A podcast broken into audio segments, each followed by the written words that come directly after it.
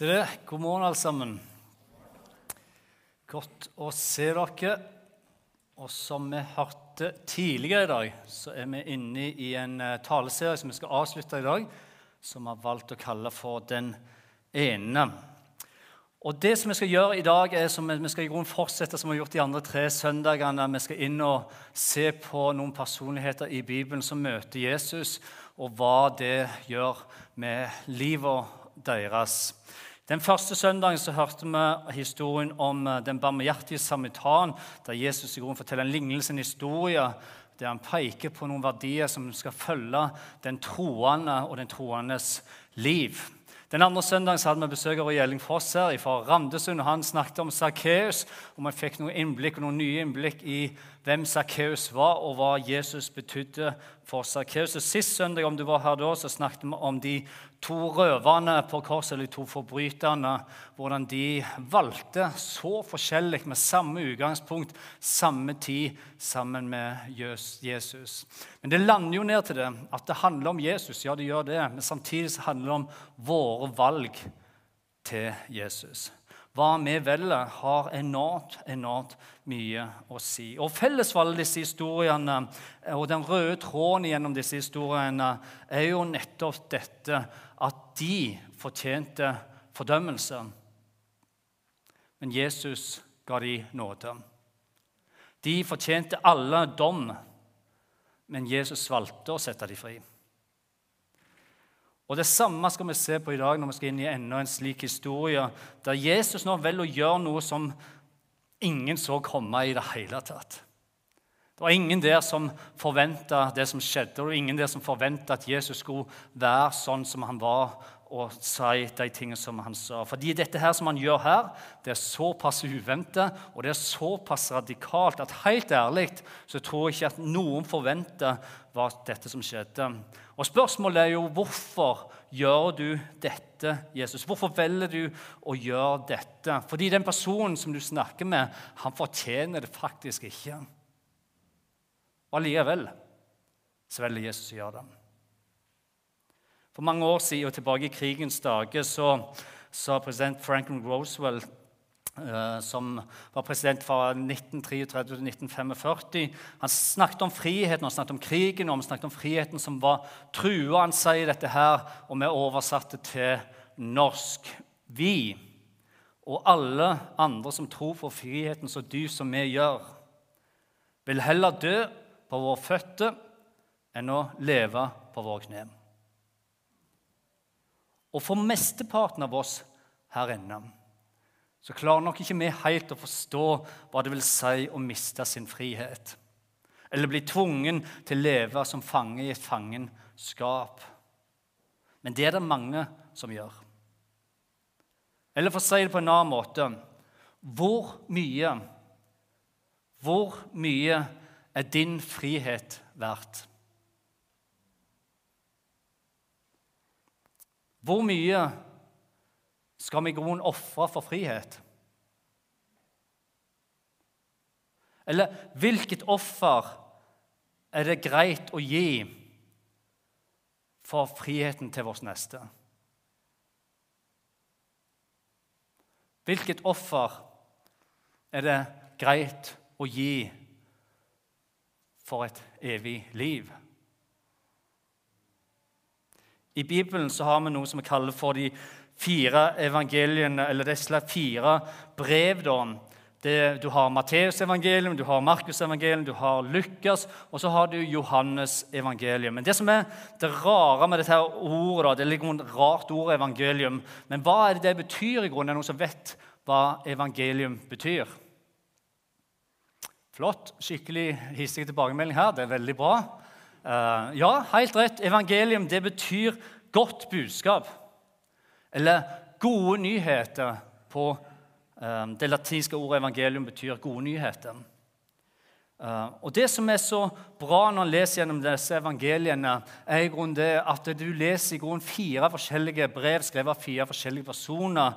Og disse brevene er skrevne til milliardervis av mennesker og til oss i dag. Nå I dag er det ikke så vanlig å skrive brev lenger. I dag så Teksten må sende meldinger, må sende bilder over telefonen. Det går veldig veldig kjapt. Men når vi spoler tilbake noen år, skal ikke så veldig mange år tilbake før dette med smarttelefoner og mobiler ikke var en vane å ha med seg. Da kunne du ringe, eller så skrev du brev. Og når jeg var 19 år gammel, og jeg var sammen med Lena, som jeg hadde truffet da, så bestemte Lene seg for å reise på bibelskole et halvt år til Hamar. Og Det er ikke så langt til Hamar nå i dag, men da virker det veldig veldig langt. sant? Det var litt annen tid. Vi snakker om steinaldertid. sant? Istid, har du hørt om det? Og nesten der, sant? Men det å skrive brev på den tida var helt, helt vanlig.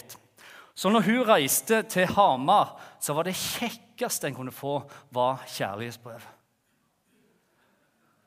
Og det var sånn at Du gikk liksom i dagevis og venta på disse her brevene, for du visste de snart kom. For når du sendte et brev, så kom det ett tilbake. Og det hun skrev, og, og grunnen til det var så fantastisk å lese, jeg, jeg gikk inn på rommet mitt og jeg lukket døra, var helt alene i senga når jeg åpna disse brevene, og det sto der at hun var så glad i meg ennå. Hun lengtet etter meg, og han gleder seg til å se meg igjen. Og hun kunne bare få lov til å være der som jeg var nå. Og dette her var etter to uker. Og så ble det bare mer og mer og mer brev. Og vet du hva Jeg gjorde Jeg gjorde dette når jeg fikk disse brevene. Da ble jeg så glad inni meg. Jeg var bare nødt til å lese dem om og om og om igjen. Og Så satte jeg ned med en eneste gang og så begynte jeg å skrive et brev tilbake. For det tok jo sant, fra Bryne til Hamar. Det tar ca. seks-sju dager da, med posten på den tida. Så det gikk litt lang tid. Og så var det den tida, det var 80-tallet, dette her, og når musikken handla om kjærlighet på den tida. Det er helt sant, Hvis du går tilbake til 80-tallshitene og ser hvor mye kjærlighet det var love, og det var love, og love is in the air, og det var bare sånn kjærlighetsklisé, og det er utrolig bra. Så jeg kunne skrive noen av setningene var jo liksom henta fra disse sangene da, på norsk, hadde jeg oversatt dem. Jeg har ikke sagt det til Lene ennå, men det var der de var, Lene, bare så du vet det. Og du hadde denne her And then a hero comes along. Husker dere den? Utrolig fin sang. Eller 'Listen to your heart'. Det var en sånn svenske som spilte. 'Nothing's gonna change my love for you'. I wanna know what love is. Og så hadde du Scorpion. 'I still loving you, baby'. You're the inspiration. Og så til slutt, og ikke minst, kongesangen over alle kongesanger som ikke er skrevet av konge, men av ei dronning. And I Er dere med? Will Ooh. Fordi kjærlighet er en fantastisk ting. Og kjærlighetsbrev er så nydelig. Og når du får dem som en bekreftelse over ditt liv, at du er elska, og du er elska, og du er elska i senk, så er det fantastisk å vite og ha med seg i livet. Og nå må du høre veldig, veldig godt etter. Fordi evangeliene, eller disse fire brevene, er i grunnen fire kjærlighetsbrev fra Gud til deg. Det er med rollen til Guds sønn i sentrum. Og det er fire kjærlighetserklæringer med et fantastisk budskap, med gode nyheter fra Gud, Faderen himself, til deg. Og En slik god nyhet er det Matteus, som vi skal se på i dag, skriver til oss når han skriver Søk først Guds rike og hans rettferdighet La det være det som du gjør først i livet. Jeg elsker deg, så søk meg først av alt, så skal du få alt andre i tillegg. Ja, men økonomien Ja, men søk meg først med det. Med forhold søk meg først. De relasjonene søk meg først. Ekteskap søk meg først. Så skal du få alt det andre i tillegg. Noe som igjen betyr at vi hver eneste dag, uansett hvilket humør vi er i, kan vi få lov til å vite at vi har en far som elsker oss. Som ønsker oss bare det beste. Som vi kan komme til nede som oppe. Og det vi møter kjærlighet. Omsorg og omtanke. De gode nyhetene Guds kjærlighetsbrev til oss. Slik han kan få hjelpe oss Bringer styrke, glede, kraft til det du trenger for å overleve det du står i. Gode nyheter, en kjærlighetserklæring fra Gud. Matteus evangelium er et av de brevene. Men hvem er i grunnen denne Matteus, denne ene som fikk lov til å skrive dette kjærlighetsbrevet, som milliardervis av mennesker har lest? Jo, for det første og Første gangen når vi møter på han Matteus her, da, så heter han ikke Matteus, han heter i grunnen Levi på det armeniske språket. Og Første gang du møter han, så er han en toller. Og det er en ting og nå må du høre godt inn, at Jesus velger å kalle fiskere som Peter og Andreas eller Thomas eller Jakob Det er én ting, det. Men at Jesus velger å stoppe opp med Levi og kalle han til å følge han, det må ha skapt store bølger, ikke bare folk, men inn i disippelflokken. Fordi ikke bare var Matteus en toller, men sannsynligheten er også veldig stor for at Matteus var den tolleren som opererte i området der disse disiplene bodde og jobba. Så når Peter står og ser Jesus gå bort til Levi, så er det den samme mannen som kanskje har ført toll i forhold til Peter, Andreas, Johannes og de som var i distriktet der, Jakob Disse elleve som står og ser på. Og her står de. Elleve disipler allerede plukket ut. Jesus mangler én. Av alle mennesker så vil han gå til en tollbod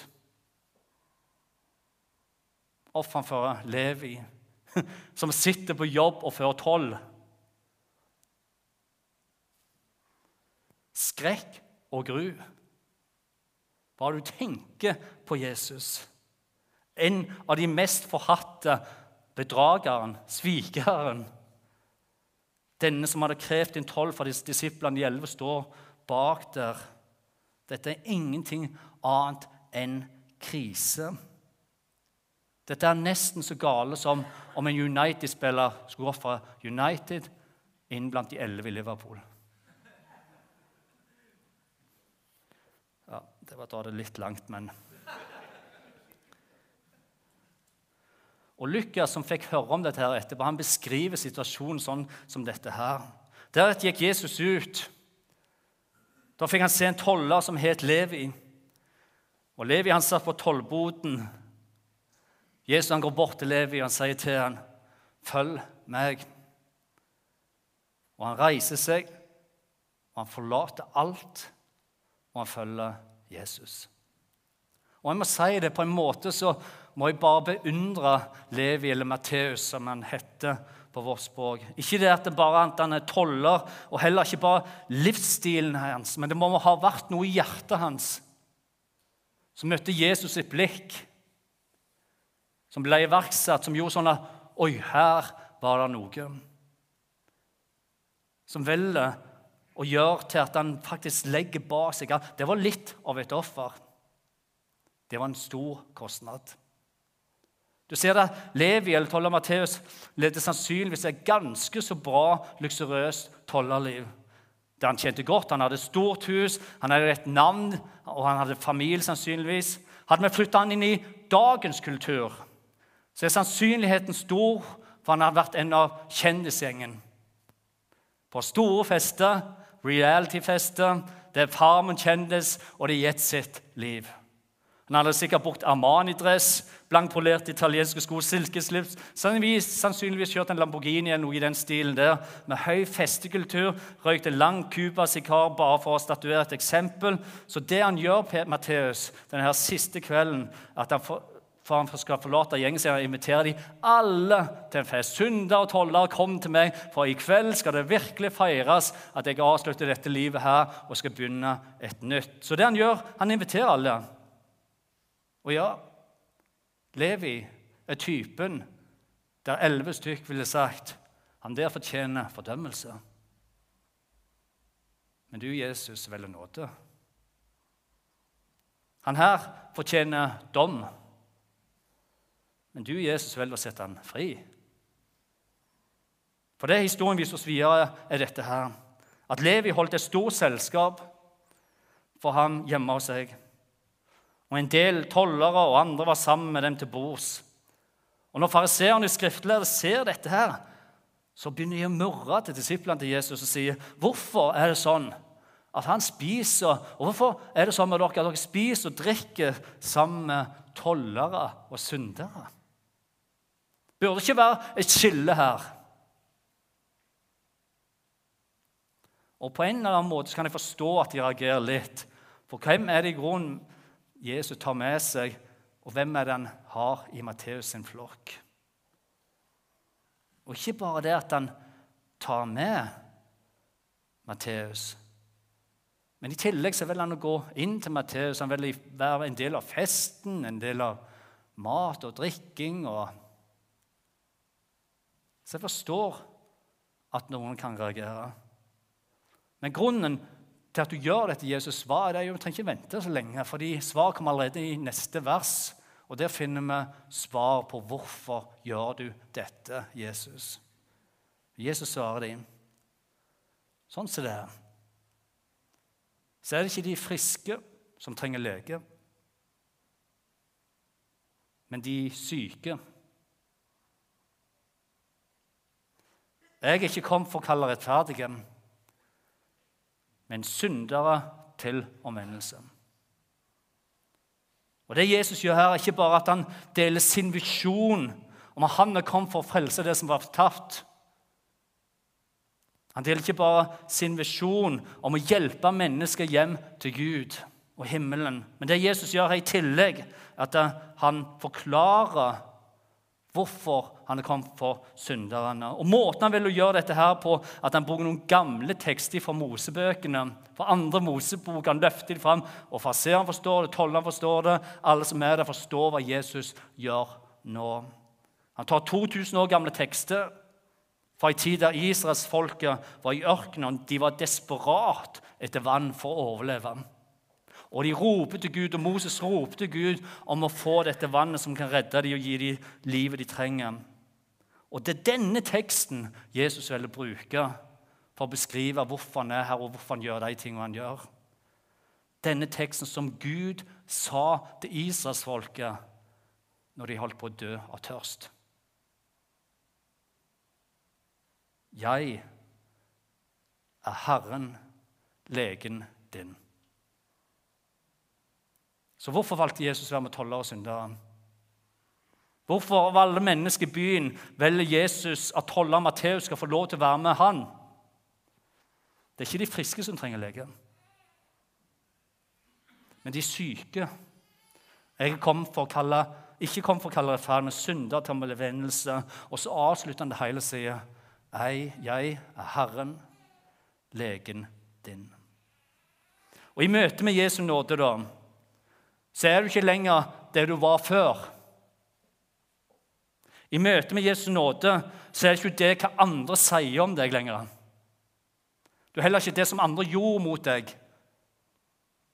I møte med Jesus' nåde så er han legen din.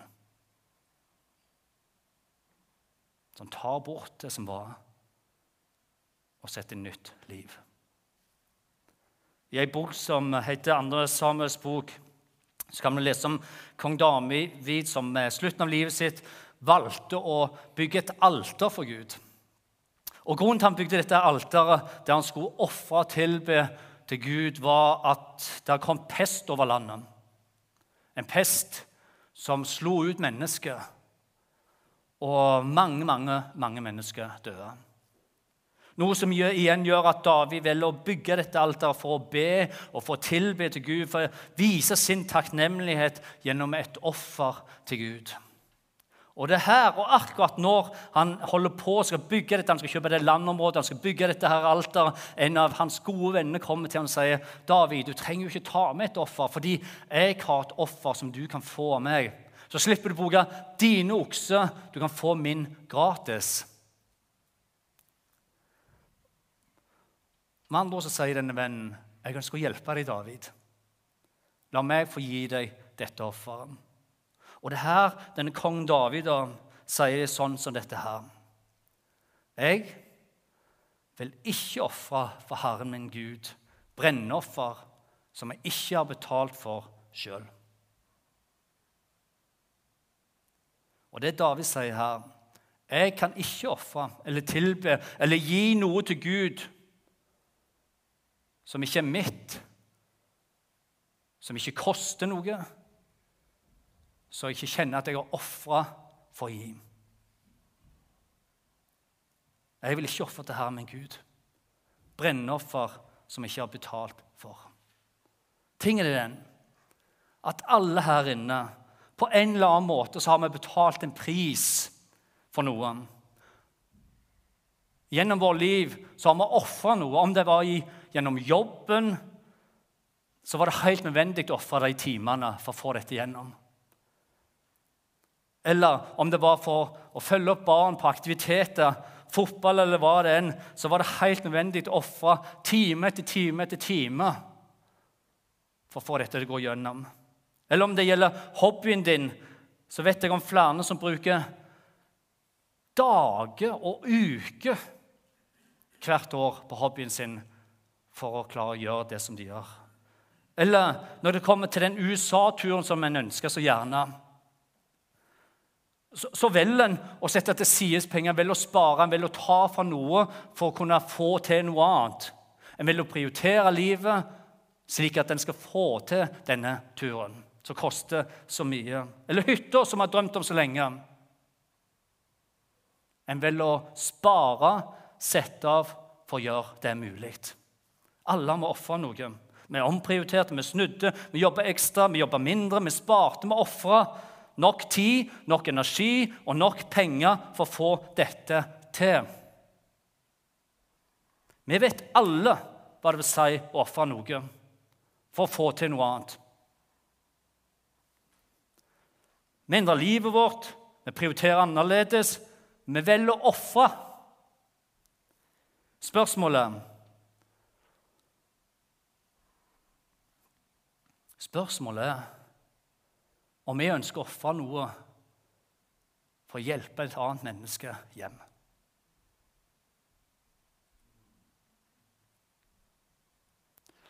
Eller betale en pris, slik at et annet menneske kan få møte Jesus ansikt til ansikt. Slik at det ene sekundet blir forandringen som blir evigvarende. Eller ofre noe for å hjelpe noen å gjenopprette et ekteskap. Eller ofre noe for å helbrede og hjelpe en familie, for å lege deres sår og deres sorg. Det David sier, 'Jeg vil ikke'. Jeg vil aldri gjøre det. Ofre for Herre min Gud med et brennoffer som ikke er betalt for offer for sjøl. Fordi David visste at om ikke denne her gaven kosta noe for han, hvorfor skulle det da bety noe for Gud?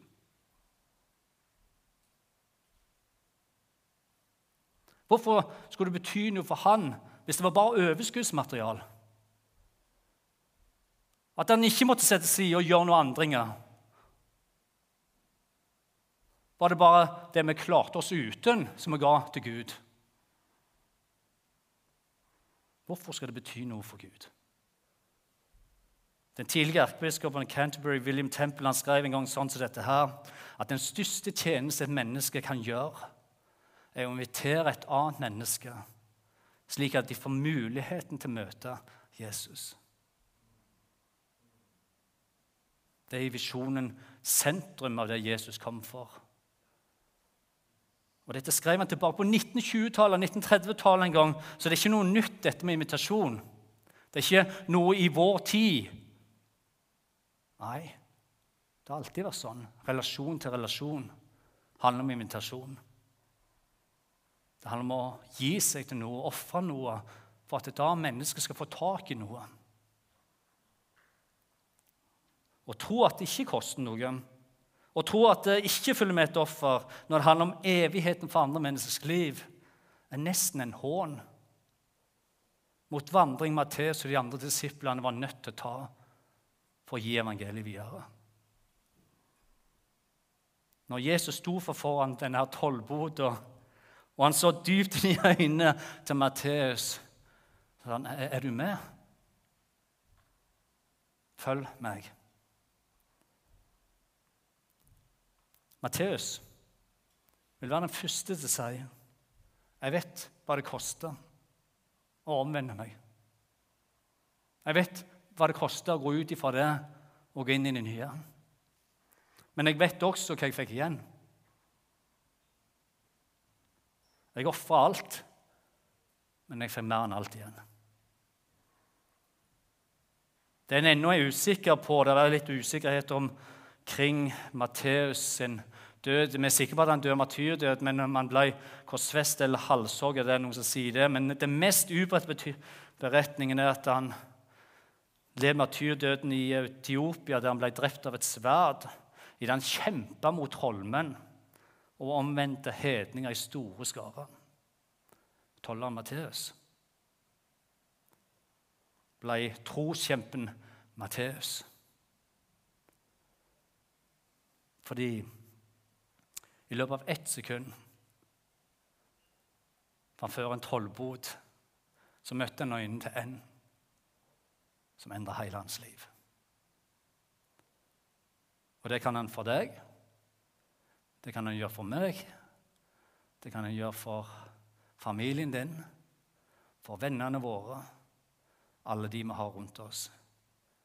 Han trenger ett sekund endre alt. Johannes var en av disiplene til Jesus. Han skriver sånn som dette her, at grunnen til at vi kan få lov til å elske, er fordi han elsker oss først.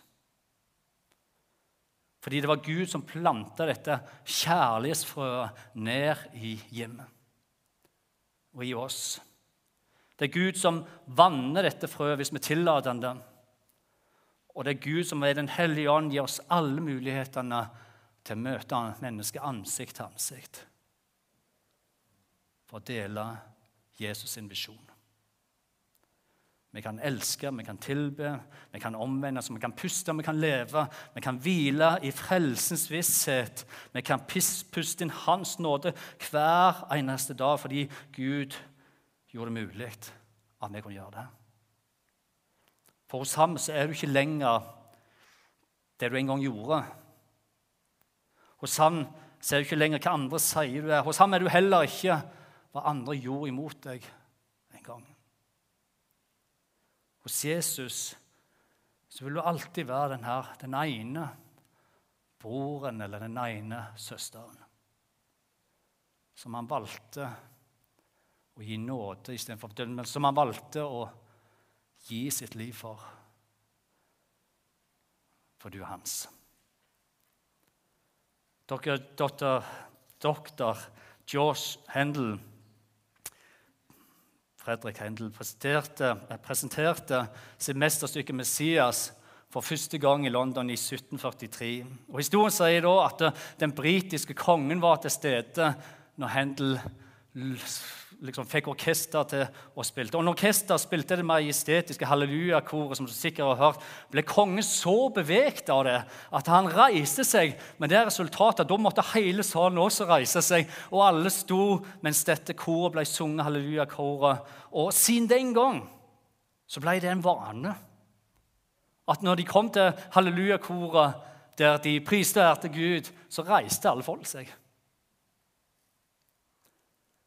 For å vise respekt og få ære. Ikke kongen, men kongenes konge, Jesus Kristus. Han som skal komme igjen for å dømme levende og døde, reiste de seg for. Men hva betyr det i grunnen å ære og tilbe?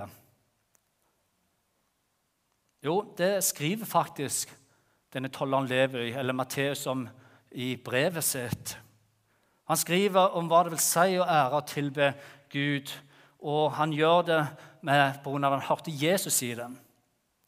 Og Det Jesus sier nå, det er i grunnen fra Gamle testamentet og Det nye testamentet. Han drar det ned, alt lovene reglene, alt sammen, ned til ett par setninger. Så sier han dette her er å ære, og dette her er å ofre, og dette her er å tilbe Gud.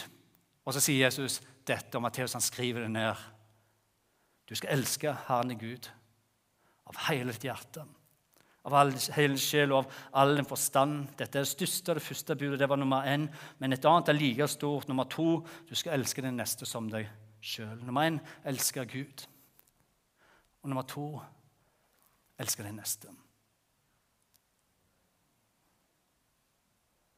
Vi starter i dag med å si vi vet alle noe om å ofre og betale en pris. Vi, vi, vi, vet noe om å omprioritere og snu på ting for å få andre ting til.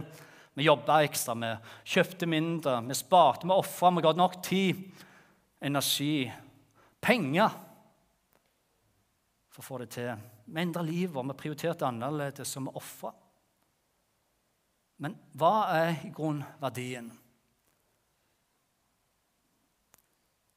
til et annet menneske liv og frihet?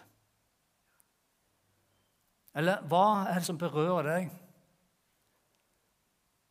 som får oss til å vise medfølelse?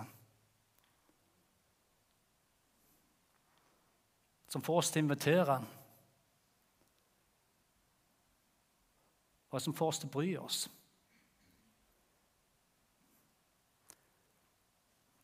Det sies dette at øynene er sjelens speil. Og Matteus så inn i øynene til Jesus den dagen han kalte han og sa du er med.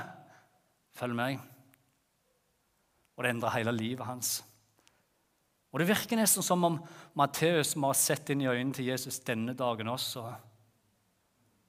For når han fører pennen, så er det så nært, så er det så intenst, og så er det så virkelig. og en møter Jesus som gråter. For det står sånn som dette her når Matteus skriver Jesus vandrer nå omkring i alle byene og landsbyene. Han underviste i synagogene deres. Og han forkynte evangeliet om riket, og han helbredet all sykdom og plage. Og så fortsetter Matteus. Han står kanskje litt unna Jesus når han ser dette. Og når Jesus så folkemengden, så fikk han så inderlig medfølelse med dem. For de var forkomne og hjelpeløse som sauer uten gjeter. Da sa han til disiplene sine.: Høsten er stor, men arbeiderne få. Be derfor høstens herre sende ut arbeidere for høstinggrøtens hans. Og spørsmålet vi får, er det samme som Matteus fikk den dagen der. Er du med?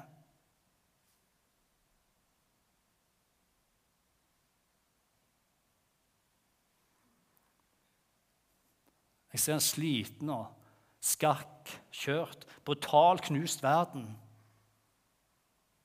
Og Det er Jesus òg. Men er du med?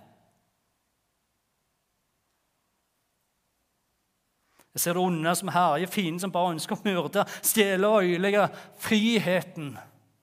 Skape splid og ulykke i relasjoner, i forhold, i familie og i menigheter. Men er du med? Slik at vi får ut de gode nyhetene, deler et godt budskap og kanskje er det bare et sekund som skal til når du valgte å invitere, når du valgte å ofre noe. Kanskje et sekund som endrer alt for et annet menneske. Når Jesus steg fram til tolboden og sa, 'Levi, Levi, er du med?' Følg meg så var det fullt av nåde. Det var godhet, det var nærhet, gavmildhet, omsorgsfullhet og fullt av Guds kjærlighet. Jesus, frelseren, allmektig Gud, hellig, sann, rettferdig og god og uten skyld. Han valgte få alt for den ene. Han ga bort sin frihet for den ene. Han ofra og han led for at den ene skulle finne fram.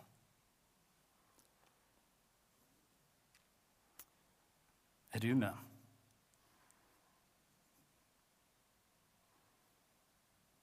I bønnen. Med ressurser, og økonomi. I fellesskapet. I omsorgen. I samtalen. i er du med og invitere din neste. For prosjektet vi har i utlandet, er du med? Vi trenger det. Vi trenger Alle er med for den ene. Amen.